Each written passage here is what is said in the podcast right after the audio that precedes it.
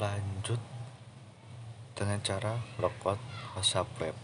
Untuk menghindari penyadapan WhatsApp lewat aplikasi yang menyeru WhatsApp web ataupun WhatsApp calling pengguna bisa mengecek perangkat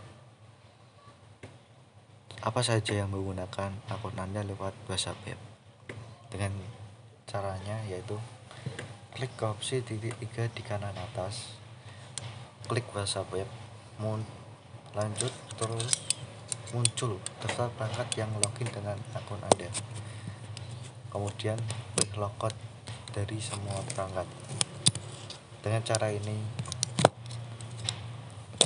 semoga tidak ada lagi pencurian akun pada pada WhatsApp web Anda. Sekian